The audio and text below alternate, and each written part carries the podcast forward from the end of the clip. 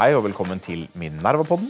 Mitt navn er Nils August Andresen. Jeg er ansvarlig redaktør i Minerva. Med meg i dag har jeg deg, Aksel Fridstrøm, vår nyhetsredaktør. Veldig hyggelig å få være med. Ja. Det er krig i Europa. Vi skal snakke mest om det.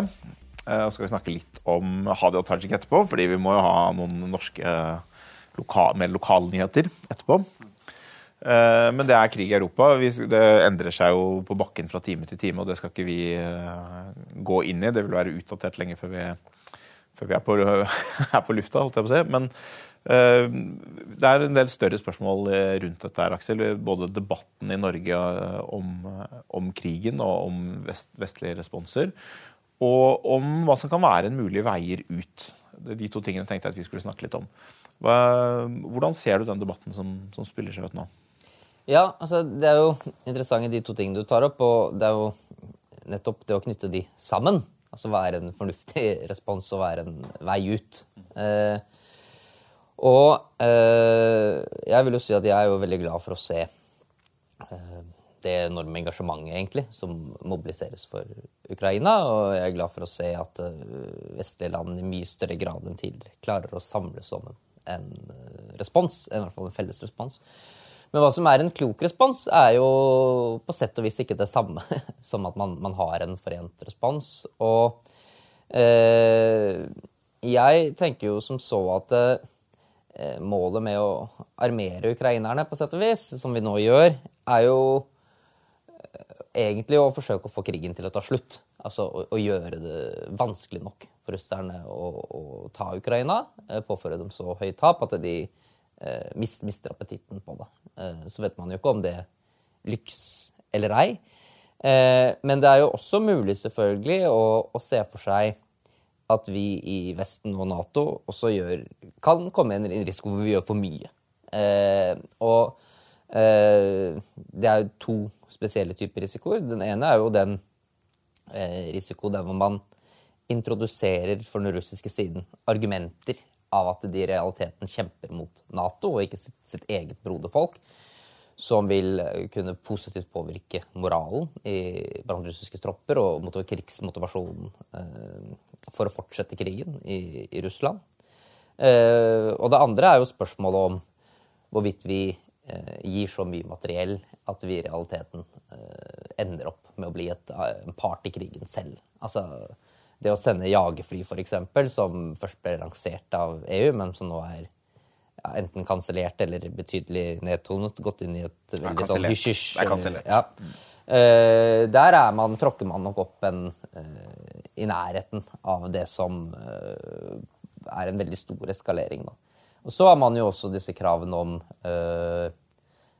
flyforbudssone. Jeg så denne pressekonferansen med Boris Johnson. Det var et veldig sterkt innlegg som en ukrainsk journalist hadde. Med en blanding av innlegg og spørsmål, vil jeg si. Det er det Men ofte. eh, hvor eh, eh, poenget eh, jo er ikke sant, altså, hvorfor, hvorfor innfører ikke liksom, Nato og Storbritannia flyforbudssone over Ukraina? Og dette ble jo liksom delt eh, over land og strand, på Twitter overalt, denne filmen. Og endelig er det noen som forteller Boris Johnson hvordan dette liksom egentlig er. og jeg så liksom også Marie Simonsen, liksom kommentator i Dagbladet, liksom at ja, endelig ble det liksom skapet satt på plass. ikke sant? Men en flyforbudssone, det er jo ikke bare å henge opp et skilt. Altså, det er jo å si at eh, vi skyter ned russiske jagerfly. Ja, det, det ville ikke være bare å si det heller. Det ville være å å skyte gjøre det. å Og, gjøre det. Ja. og? Altså, da har du jo liksom i realiteten startet tredje verdenskrig. Altså, det er jo det du egentlig sier. Eh, I hvert fall hvis ikke det kommer en umiddelbar deeskalering etter at det skjer. Men det er jo en gamble, ikke sant?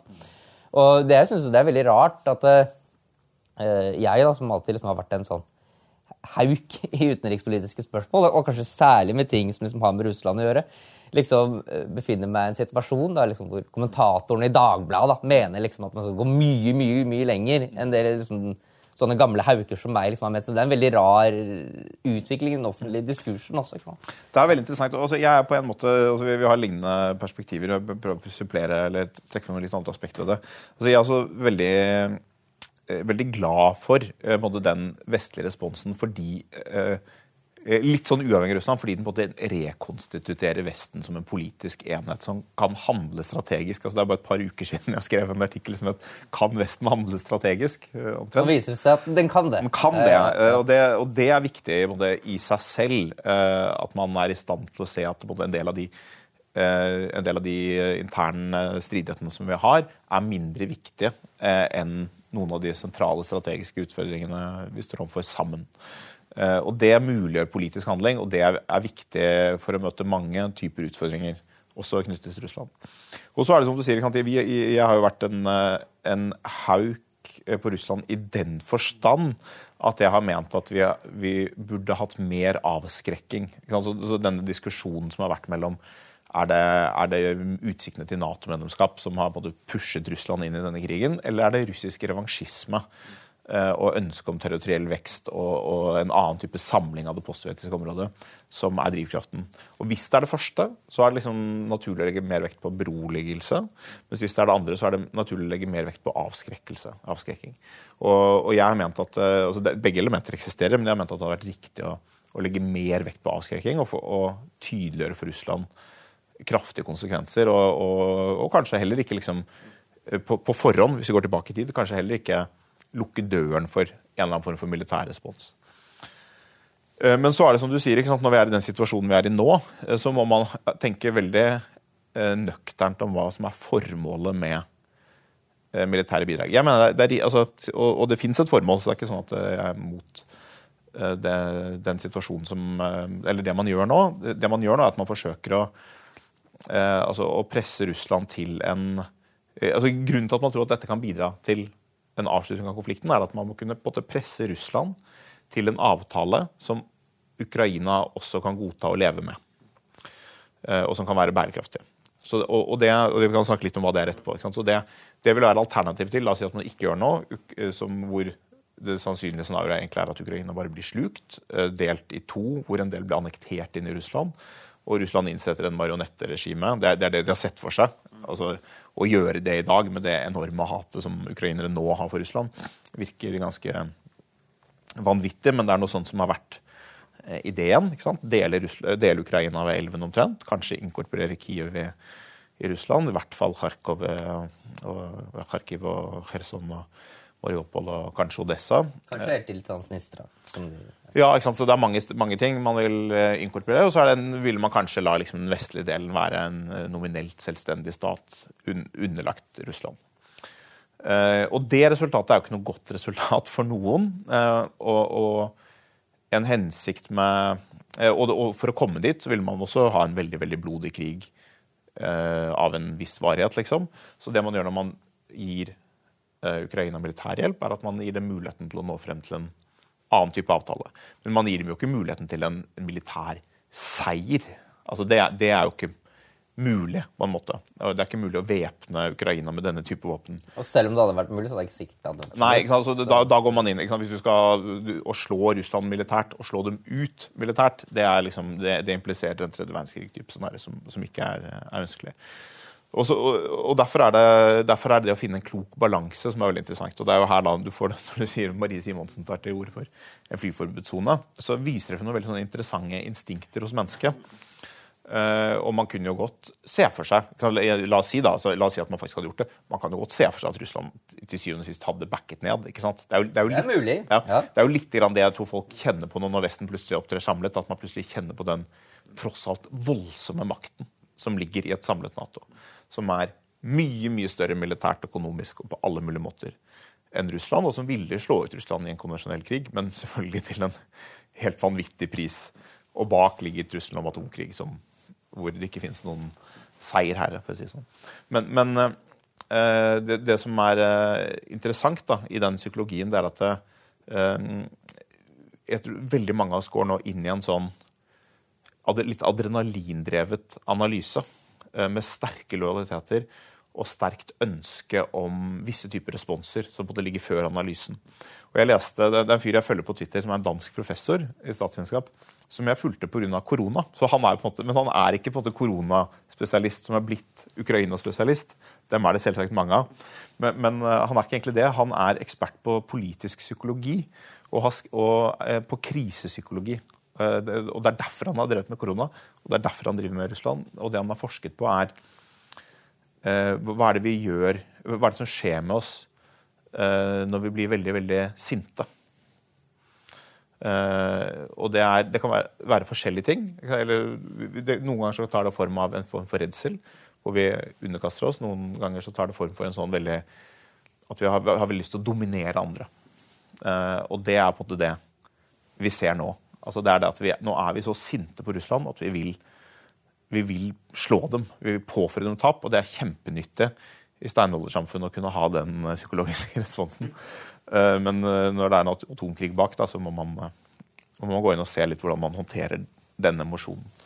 Så mm, For det er jo noe sånn rart. Altså, for meg så er, virker det ofte litt som man Særlig i land som Norge, da, som er, jeg mener, er, veldig idealistisk drevet. ikke sant? Altså Idet vi får øye på et problem, eh, si f.eks. klimaproblem, for eksempel, så blir det veldig fort at nå skal vi gjøre alt for å løse dette problemet. Og liksom jo alle tiltak som bidrar til dette, er gode tiltak. ikke sant? Og deler av jeg mener det er feil, men deler av den mentaliteten ser også, også til liksom, å flytte seg litt sånn ukritisk inn i hvordan man analyserer denne konflikten. Og det tror jeg vil være veldig altså Det er en veldig uklok måte Den er typen vi har et problem, eh, dermed fins det en løsning. Ja. Altså, det er ikke alltid det fins gode løsninger. Men, men for å gå litt inn på, inn på løsningene altså Jeg tror nok at de som eh, styrer denne politikken fra eh, både europeisk og amerikansk side, har tilsynelatende noen ideer om noen løsninger som jeg i og for seg tror kan virke eh, fornuftige. Og, og det, for det første er det som du sa, det er nok mange som i og for seg håper på at dette kan bidra til at kostnadene i Russland blir så høy at man ikke bare ser seg tjent med en avtale, men at det kanskje også kan føre til politiske endringer i Russland. Altså det er rett og slett et regimeskifte. Hvis, hvis den russiske eliten opplever at uh, Putins politikk er for kostbar for dem og for, og for deres fremtid og for landets fremtid, så kunne man se for seg en plassrevolusjon. Jeg er ikke blant dem som tenker at det er veldig sannsynlig, men, men det er mulig. Altså det er, og det er litt sånn med den type autoritære regimer at de er stabile inntil de ikke er stabile. Og Russland er, har et veldig personalisert system. Det er veldig mye som er konsentrert rundt Putin. Det er veldig vanskelig å organisere eh, kupp og opprør og sånn, men, men, men, du vet ikke før du ser det. det, la oss si at det, For her er det to forskjellige mulige mål, da, egentlig. Du kan jo si at vi ønsker å få til en, eh, en avtale med Putins regime, med Putin sittende, eller vi ønsker å fremprovosere en palassrevolusjon. Sant? Altså, hvordan, eh, hvordan er de to målsetningene forskjellige i så fall, med tanke på hva man Ja, skulle altså det jeg skulle si at jeg, jeg tror at man eh, jeg tror man gjerne Man kan godt på ønske seg at det kunne bli resultatet. Jeg tror ikke man har en politikk for regimeskifte. fordi eh, det, det har noe med å gjøre at enhver en eksplisitt politikk eh, som har det, det målet, eh, eller som, eh, selv om man ikke sier det hvis det er veldig tydelig innrettet på det, vil nok lett kunne virke mot sin hensikt. Ikke sant? At den vil virke i den forstand at den samler russerne mot et utenlandsk forsøk på regimeskifte. Så, så, og det er, det er et veldig viktig poeng med det du sa innledningsvis. At hvis man, en viktig, et viktig forhold ved konflikten nå er at eh, den ukrainske eh, strids, altså kampmoralen og viljen til å forsvare landet er skyhøy.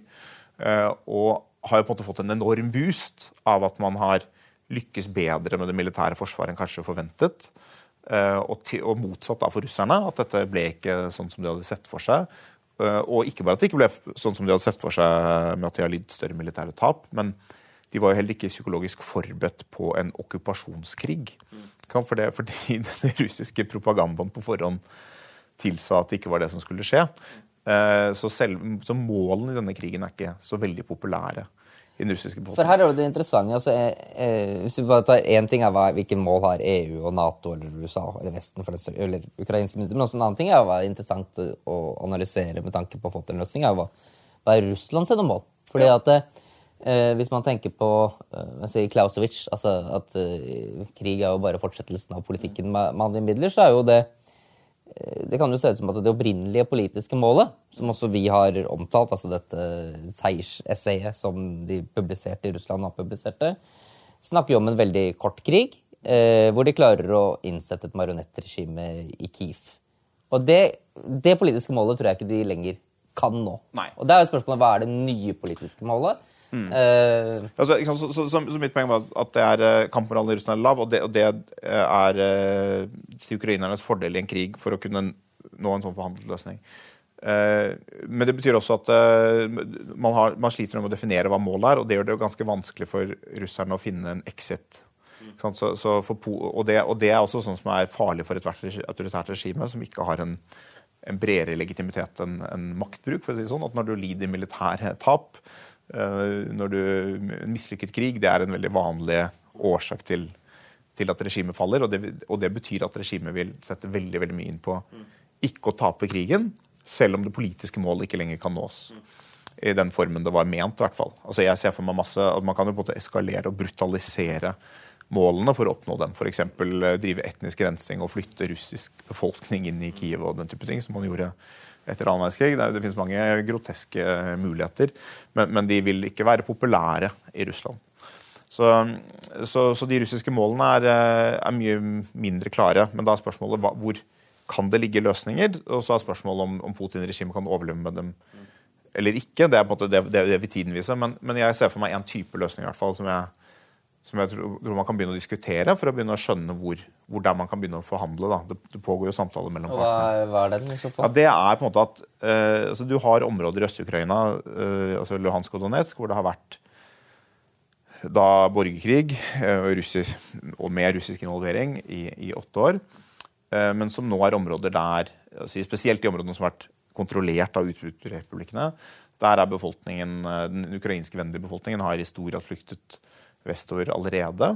Eh, og det er nå russerne har tatt disse områdene militært i stor grad. Det er litt frem og tilbake her og der, men, men de har tatt mange av disse områdene også utenfor disse eh, opprørsrepublikkkontrollerte områdene.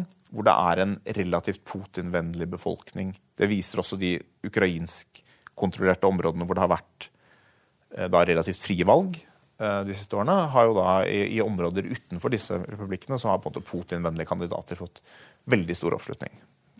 Eh, det er områdene som grenser til Russland. Det er relativt små områder og relativt begrenset befolkning. Og så har du Krim, som Russland jo har annektert allerede. Ja, nå har de annektert opprørsrepublikken også, men, men de har annektert Krim allerede. Og det har på en måte vært anerkjent holdt jeg på å si, lenge at det, den situasjonen eh, vil jo ikke endres med militærmakt. Så, så, det å akseptere at Russland får disse områdene, de områdene som Russland uh, har kontrollert over lang tid, dvs. Si i Luhansk og Donetsk, som de i praksis har kontrollert siden 2014, og Krim, at de annekteres av Russland. Altså det er områder som de militært kontrollerer nå. Uh, og så er det et spørsmål om liksom, grensedragningen rundt uh, Luhansk og Donetsk. Men å akseptere det, det ville være noe som det russiske regimet internt kunne si vi nådde våre hovedmål.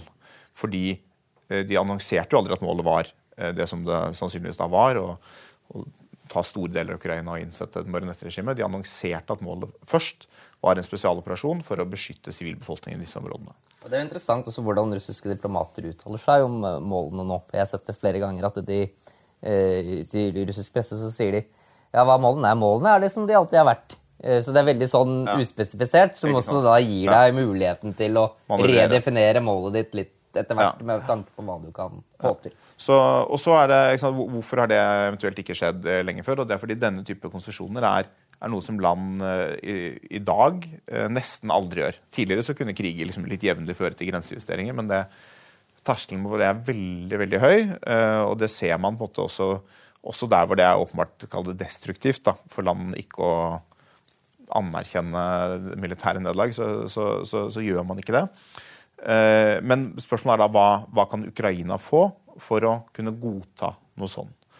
Uh, og det logiske de kunne få, som de nesten er nødt til å få i en eller annen forstand, men som, som, som da sitter til en del svært langt inne for russerne, det er at Ukraina må få en sikkerhetsgaranti fra Vesten.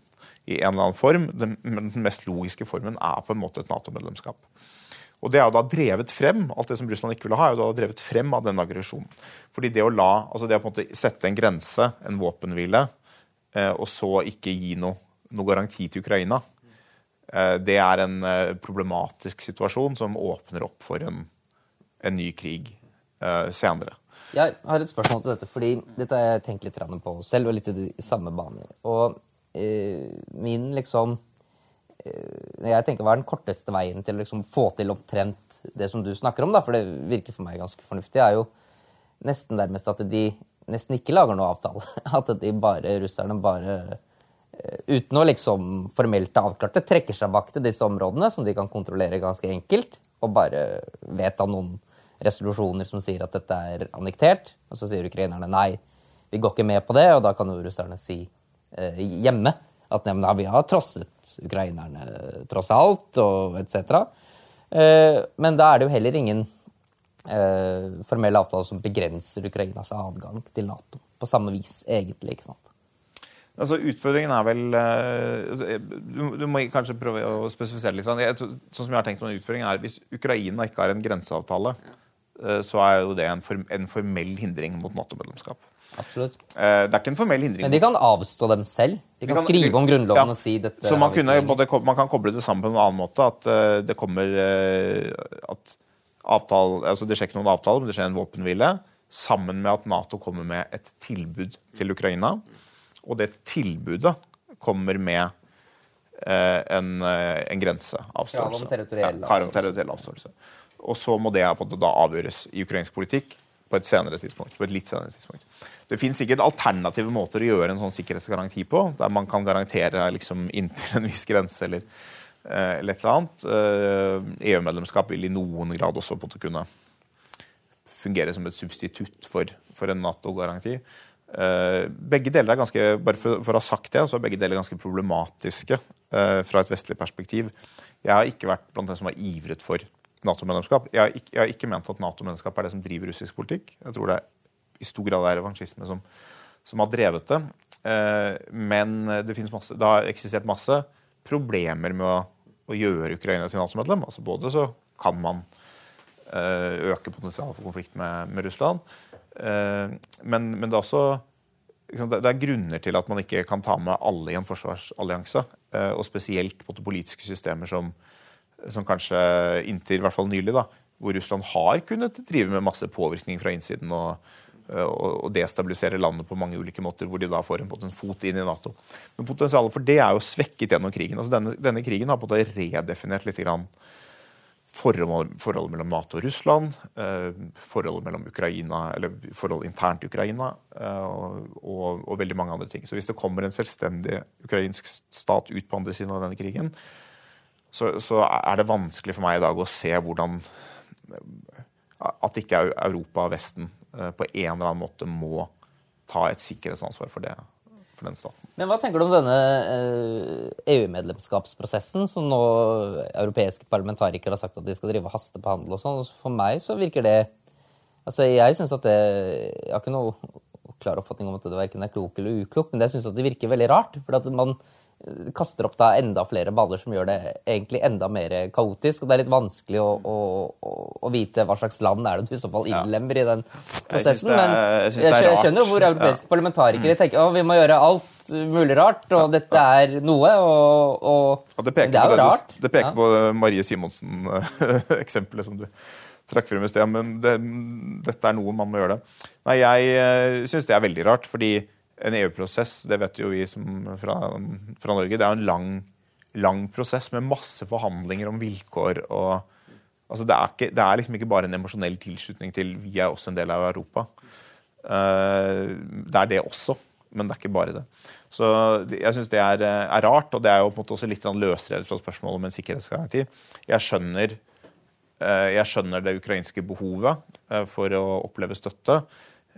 Kandidatland er en uforpliktende i og for seg greie. Men, men, jeg tror det, det, det, som Ukraina har vist for meg, er at vi skal og, og tidligere også Georgia eh, Det er å på en måte stille land i utsikt at de kanskje skal få liksom noen gode fra Europa, kanskje få noe sikkerhetsbeskyttelse, kanskje få lov å bli en del av, av Vesten, og så ikke følge det opp, det er ikke en oppskrift på suksess. Så, så det er fornuftig å gi eh, forpliktelser som man kan stå ved. Det er det som er det sentrale. Og det, og det gjelder på en måte også til det ukrainske Nato-medlemskapet. At det sentrale med forpliktelsen til Ukraina og den, og den, sentrale begrensningen på å ta dem opp som medlemmer tidligere, har vært eh, eksisterer det en reell politisk vilje til å beskytte dette landet. Og hvis det ikke gjør det, og hvis det ikke er en vilje til å i siste instans gå til krig eh, om, om, Ukraina blir angrepet, så er, det, så er, det, ikke riktig å ta dem opp. Men det som krigen har gjort, er at den har på en måte redefinert Ukraina eh, på en måte som, som gjør i hvert fall sikkerhetsspørsmålet annerledes. Også, men EU-spørsmålet er så legalistisk og teknisk og økonomisk at det, det er ikke et spørsmål man rusher gjennom på denne måten, da, tenker jeg. Mm. Og EU har jo allerede liksom stilt seg i en veldig rar posisjon når de annonserte disse 70 kampflyene som de nå ikke kan levere. Eller ja. medlemslandene som hadde dem, ikke ja. lenger sier at de vil levere. Ja, Det viser at det, liksom, overskuddet av ideer har vært stort, men, men, det er ikke alle som er praktisk uh, gjennomførbare. Så, men jeg tror det, det, å liksom tenke Det er veldig viktig å tenke på hva som er en Eh, hva som for det første kan sikre at det faktisk kommer en selvstendig ukrainsk stat ut av dette, eh, og hvordan den kan være bærekraftig sikkerhetspolitisk eh, over tid.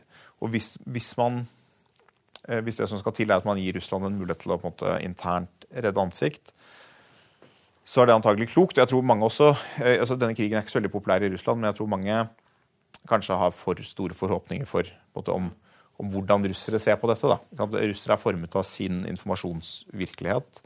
Uh, og sånn, ja, Hvordan kan de tro på Putins propaganda og sånne ting?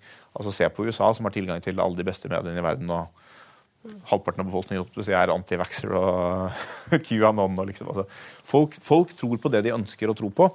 Og, og, motstanden mot denne krigen er mye større enn mot veldig mye annet i Putin-regimet. Men veldig mange ønsker selvfølgelig å tro at Vesten har vært aggressive, og at det er nazister i Ukraina, og at eh, Russland forsvarer gamle russ russiske land. Det ønsker de å tro på, og derfor tror de på det. Så, så mm, jeg tror ikke vi skal ha liksom overdrevne forhåpninger om dramatiske skift i Russland på kort tid. Men jeg, jeg tror at vi, vi, vi kan, det er mulig å peke frem mot en avtale. Og det, det vil også redefinere det europeiske landskapet i den forstand at jeg tror det blir klarere for alle, også i Russland, at med Putin ved makten og med denne kursen så vil Russland ikke reintegreres på normal måte i det globale samfunnet. De vil bli avhengig av Kina på en måte som de slett ikke liker. Altså vi, som kinerne kanskje, kanskje heller ikke lenger vil? Nei, altså det er jo det gjør at de blir enda svakere i den relasjonen. Så så, så, det er mange interessante ting eh, fremover der, hvis man ser klokt, men vi, vi, må, vi, må, tenke hvordan det kan bli en bærekraftig løsning. Og Hvis vi kommer dit, så, så tror jeg også at det, så håper jeg at vi klarer å bevare noe av den vestlige eh, samlingen og evnen til å tenke strategisk, til at vi nå gjør det som er nødvendig for å bygge Ukraina opp igjen til å bli en fungerende nasjon. Eh, og vi går fremover med, med et på en måte med, med en bedre samling i, Europa. Og så Til syvende og sist så er det jo uh, viktig å huske på at den viktigste beslutningstakeren her er jo det russiske regimet selv. Altså De har mange handlingsalternativer. Det vi jo i realiteten ukraineren og krigsinnsatsen egentlig handler om, er jo å, å skifte attraktiviteten ja. til de russiske handlingsalternativene. Og vi vet jo ikke hva de vil velge, men vi kan sørge for at et alternativ som er gunstig for oss, ser veldig veldig mye bedre ut enn det andre alternativet, som er det mest dramatiske alternativet, selvfølgelig, som er da fullskala invasjonen av Kiev. Og så, ja, Noe av dette kan, kan, vi snakke enda mer om, om senere, kanskje. Altså, det er jo ikke sånn at uh, Russland umiddelbart er blitt en trussel mot hele Europa pga. det som skjer i Ukraina. Det er naturlig at land ved grensen, Baltikum, Polen og sånn er, er urolige, gitt sine historiske erfaringer. Men jeg tror vi skal ikke oversette det altfor lett til at Russland liksom vil, vil videre. Samtidig så er, så er, det liksom så tydelig nå at, Russ, at Russland er en aktør som, eh, som er en motstander eh, for Europa. Hvor vi, hvor, hvor vi, på en måte må erstatte et sånt paradigme hvor vi har en liksom fredelig samhandling hvor det er økonomisk samarbeid og vinn-vinn-situasjoner. Russerne har jo alltid hatt et sånn nullsumspill. Eh, men når man er fiender, så, så er det ikke så, så mye Eh, vinn-vinn. Så du kan si at Disse sanksjonene er rettet inn mot å få Russland til å endre atferd. Men hvis Russland ikke endrer atferd, så vil de også svekke Russland. Og da er det en, en rimelig konsekvens, på en måte. Så hvis Sanksjonene er Russlands eget bysantinske nullsumspill. Ja. ja. Mm. Uh. Men du, Vi, eh, det er krig i Europa, men vi kan ikke, liksom, eh, vi kan ikke glemme pendlerboliger og norske trivialiteter helt av den grunn, syns du? Nei, vi må så vidt innom det. Eh, og vi kan jo også håpe at uh, Vladimir Putin også må gå av, for han har jo bostedsadresse i Kreml. Men har jo, bor egentlig i atombunkersen i Altai. Så når, eh, hvis det kommer frem i russiske medier Jeg må fortelle en liten historie. Forrige uke da krigen var brutt ut, så støtte jeg tilfeldigvis på Bård Tufte Johansen eh, om morgenen, som, eh, som, da var frustrert over at det var blitt krig. Fordi krig er ikke noe morsomt. Og Nytt på nytt det skal være morsomt. Og så sa jeg ja, men det med Hadia Tajik det er jo morsomt. Og det, det var han enig i. Så det hadde jo mye om Hadia Tajik. Men da var det på en sånn at krigen var jo til, til, å begynne med bra for Hadia Tajik, fordi den tok oppmerksomheten bort fra pendlerboligsaken. Hadia Tajik var bra for Nytt på Nytt. og ja, så Det var liksom sånn, det ble mest Hadia Tajik på Nytt på Nytt. Det ble en sånn liten runde. Men, men uh, nå gikk det ikke for Hadia Tajik allikevel, selv om det var krig. Hun måtte gå av uh, i går. Hun valgte å gå av som, som statsråd i går. Men det, vi snakket litt om dette tidligere i dag, Aksel. og Det er en veldig interessant sånn, politisk kommunikasjons eh, det som har skjedd der. Og du, ja. Fortell litt om det. Nei, for at tenker, ja, Vi trenger jo ikke gå inn i, i, sakens substans. Den er jo ganske godt belyst nå, egentlig, hvorfor Hadia Tajik har gått av. Men eh, jeg kan jo si fra min eh, tid som politisk rådgiver og rundt omkring, så kjenner jeg veldig igjen disse, disse måten disse krisekommunikasjonsløsningene liksom dukker opp på. Og du, kan, du gjenfinner det veldig hvordan Hadia Tajik også forholdt seg til offentligheten på. Men det som er jeg, det store likestrekket som jeg ser, da, er at eh, når du kommer under veldig stort press, hele verden er imot deg og skal få deg til å gå av, eller hva det måtte være, så er det eh, De som blir satt under det presset, veldig ofte begynner med, er eh, at man forelsker seg i ulike detaljer i fremstillingen som man mener at er gale. Så denne detaljen er gal. Nå har Aftenposten eller VG de har skrevet en detalj om meg som er gal. Og så henger man seg veldig opp i den detaljen og mener at det er veldig urettferdig selvfølgelig at denne detaljen i sakskomplekset er fremstilt kaldt. Og mange ganger så er den jo også faktisk fremstilt kaldt, så vedkommende har jo et poeng.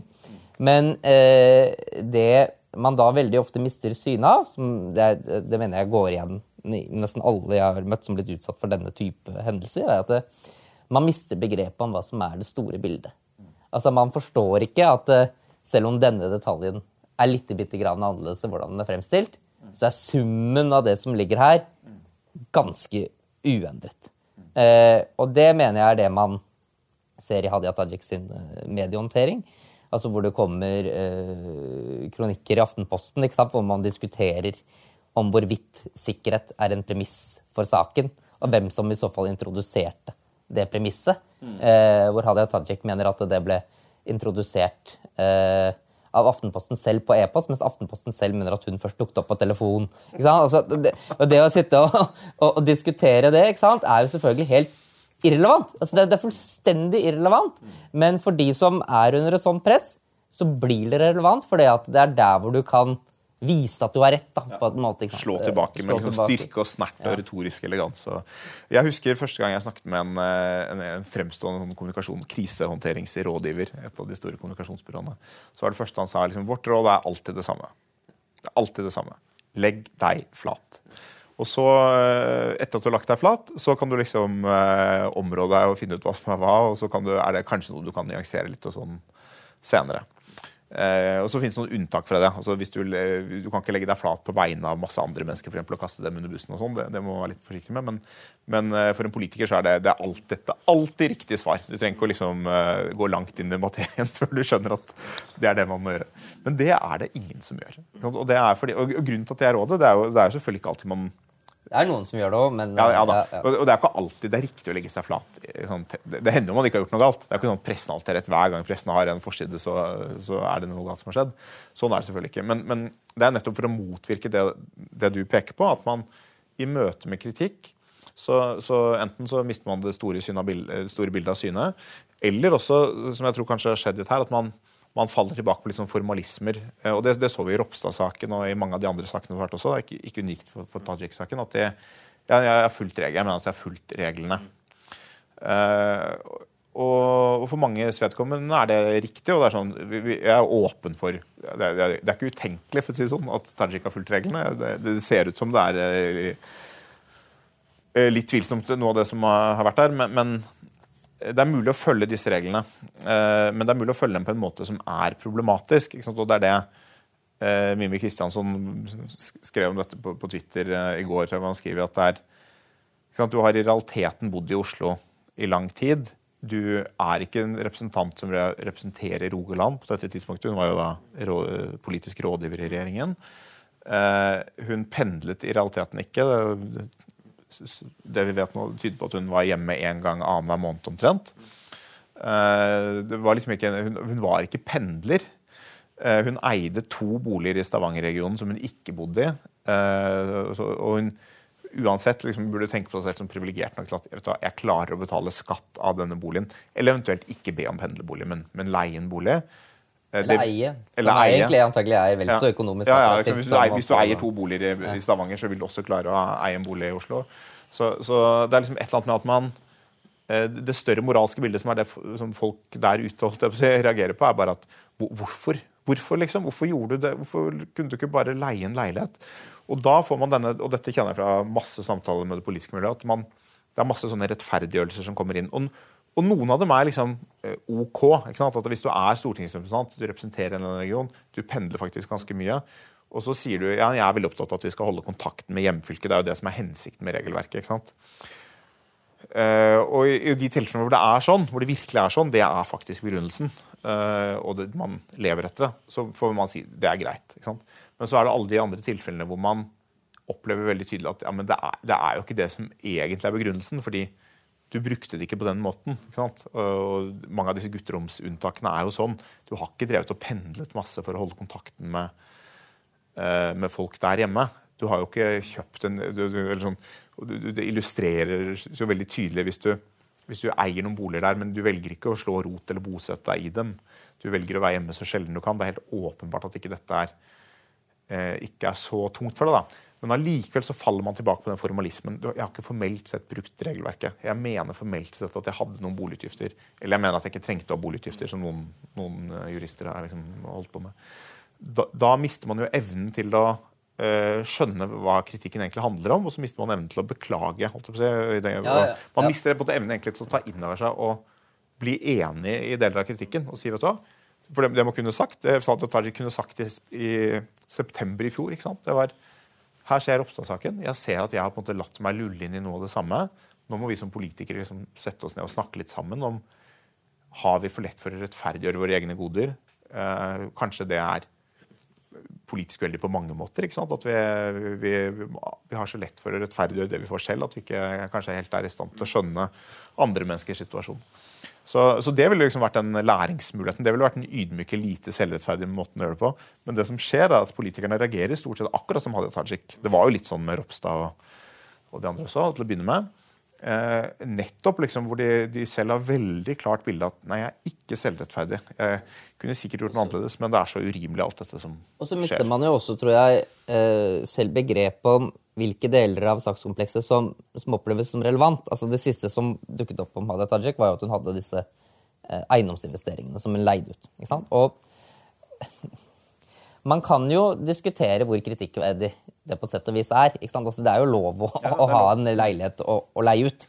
Mm. Eh, og jeg tror at hvis Eh, den saken hadde kommet holdt jeg på å si, først, eller som en selvstendig sak, mm. så tror jeg folk bare hadde trukket på, på, på skuldrene litt av det, at noen har noen utleieboliger som de leier ut. Eh, og Hadia Tajik kan jo selv tror jeg vel, Nå har hun jo gitt opp å argumentere mot, men hun kunne nok anført at denne kritikken mot at hun har noen eiendomsinvesteringer som hun leier ut, er en urimelig kritikk. Det er mange mennesker som gjør det på Stortinget og andre steder. Men eh, når du først liksom har gått ut på linen, da, og du da bare får på bare bitte lite grann til, da, da, detter du av. Ikke sant?